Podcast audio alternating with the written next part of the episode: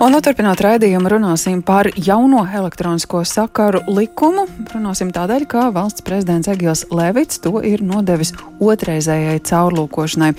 Gatavojot raidījumu, mēs sazinājāmies ar valsts prezidenta padomnieku tiesību politikas jautājumos Jāni Plepu, un viņam lūdzām izskaidrot, ar ko tad ir saistīti prezidenta iebildumi. Lūk, Jāņa Plepa sacītais.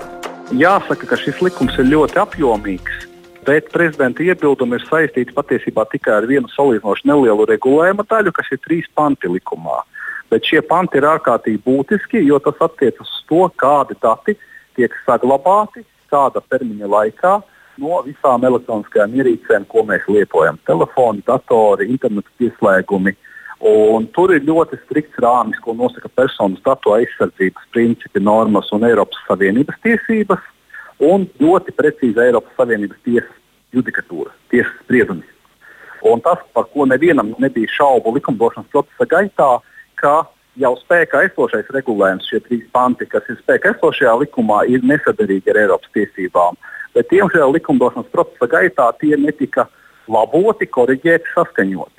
Lai gan institūcijas, Tieslietu ministrija, Datu valsts inspekcija, Sājumas juridiskais birojs vērsa uzmanību un norādīja, ka tur vajadzīgi labojumi, tas netika izdarīts.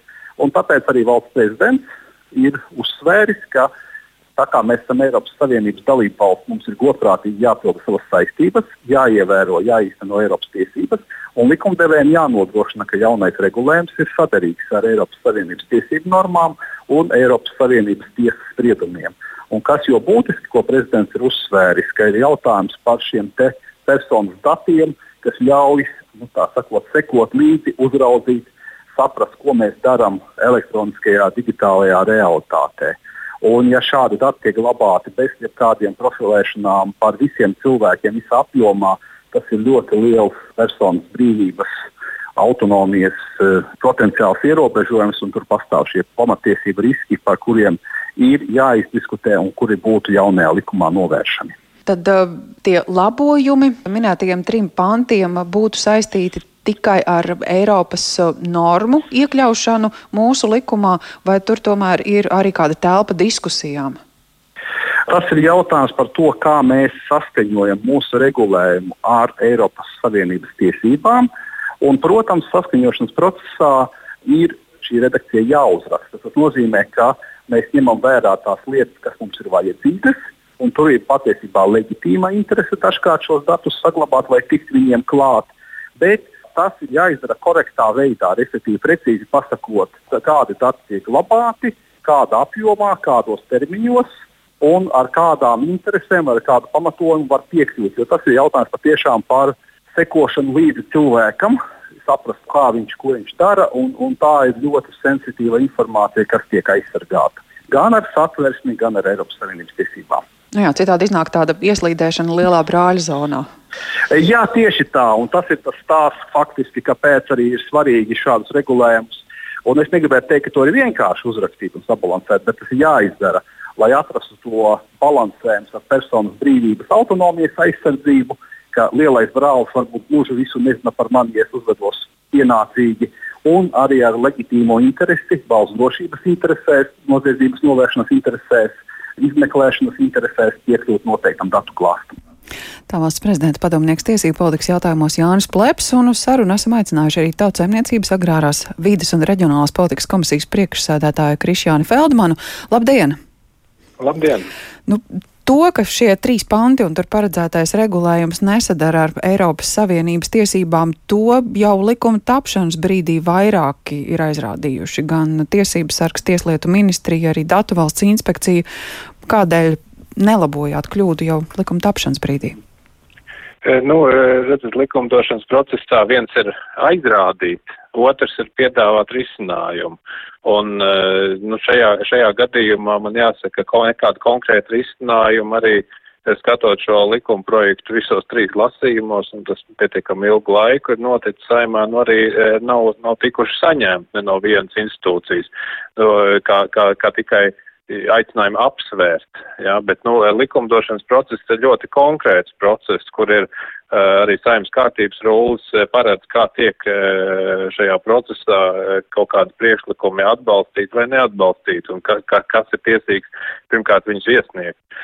Mēs arī bijām vērsuši, nu, kā saka, visu iesaistīto uzmanību, nu, kā komisija, arī, kad šis jautājums kļuva aktuāls, abiem atlikuši likuma projektu skatīšanu, nu, diemžēl, nu, rezultāta nekāda savas atlikuma arī no šīm nu, papildus laika došanas uh, nebija. Un, uh, nu, arī ņemot vērā, ka uh, diezgan stingrās pozīcijās stāv tiesību sargājošās iestādes šajā jautājumā, bet likuma projekts ir ļoti apjomīgs un skar ļoti daudz vēl citas lietas, kurām būtu, kuras būtu pēc iespējas ātrāk jāatrisina likumā, tad arī saima vienbalsīgi gan komisijā, uh, gan arī eh, plenārs sēdē atbalstīja mm. šo eh, likumprojektu.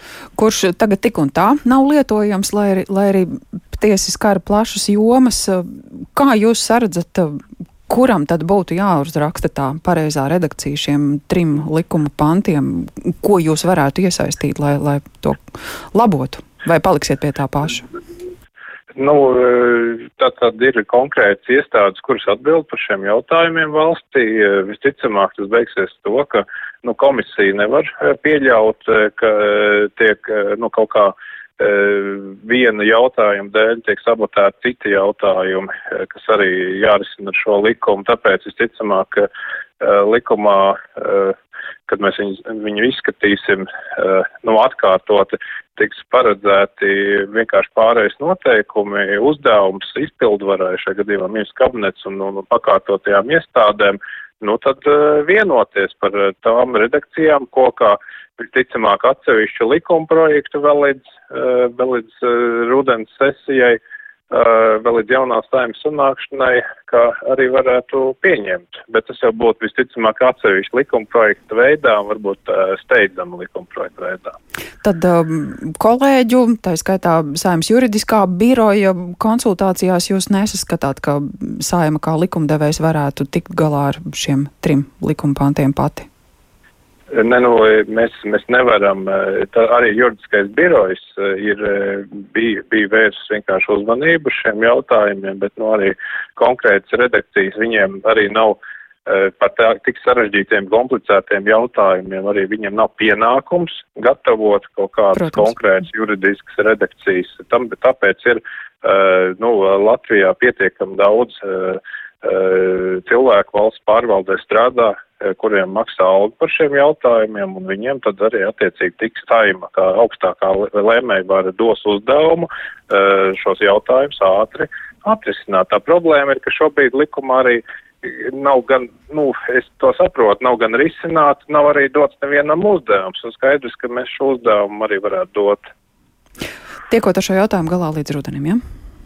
Jā. Mhm. Paldies par um, skaidrojumu un atbildi tautsēmniecības agrārās vidas un reģionālās politikas komisijas priekšsēdētājiem Krišānam Feldmanam. Arī viņu bijām aicinājuši uz sarunu pēcpusdienas programmā.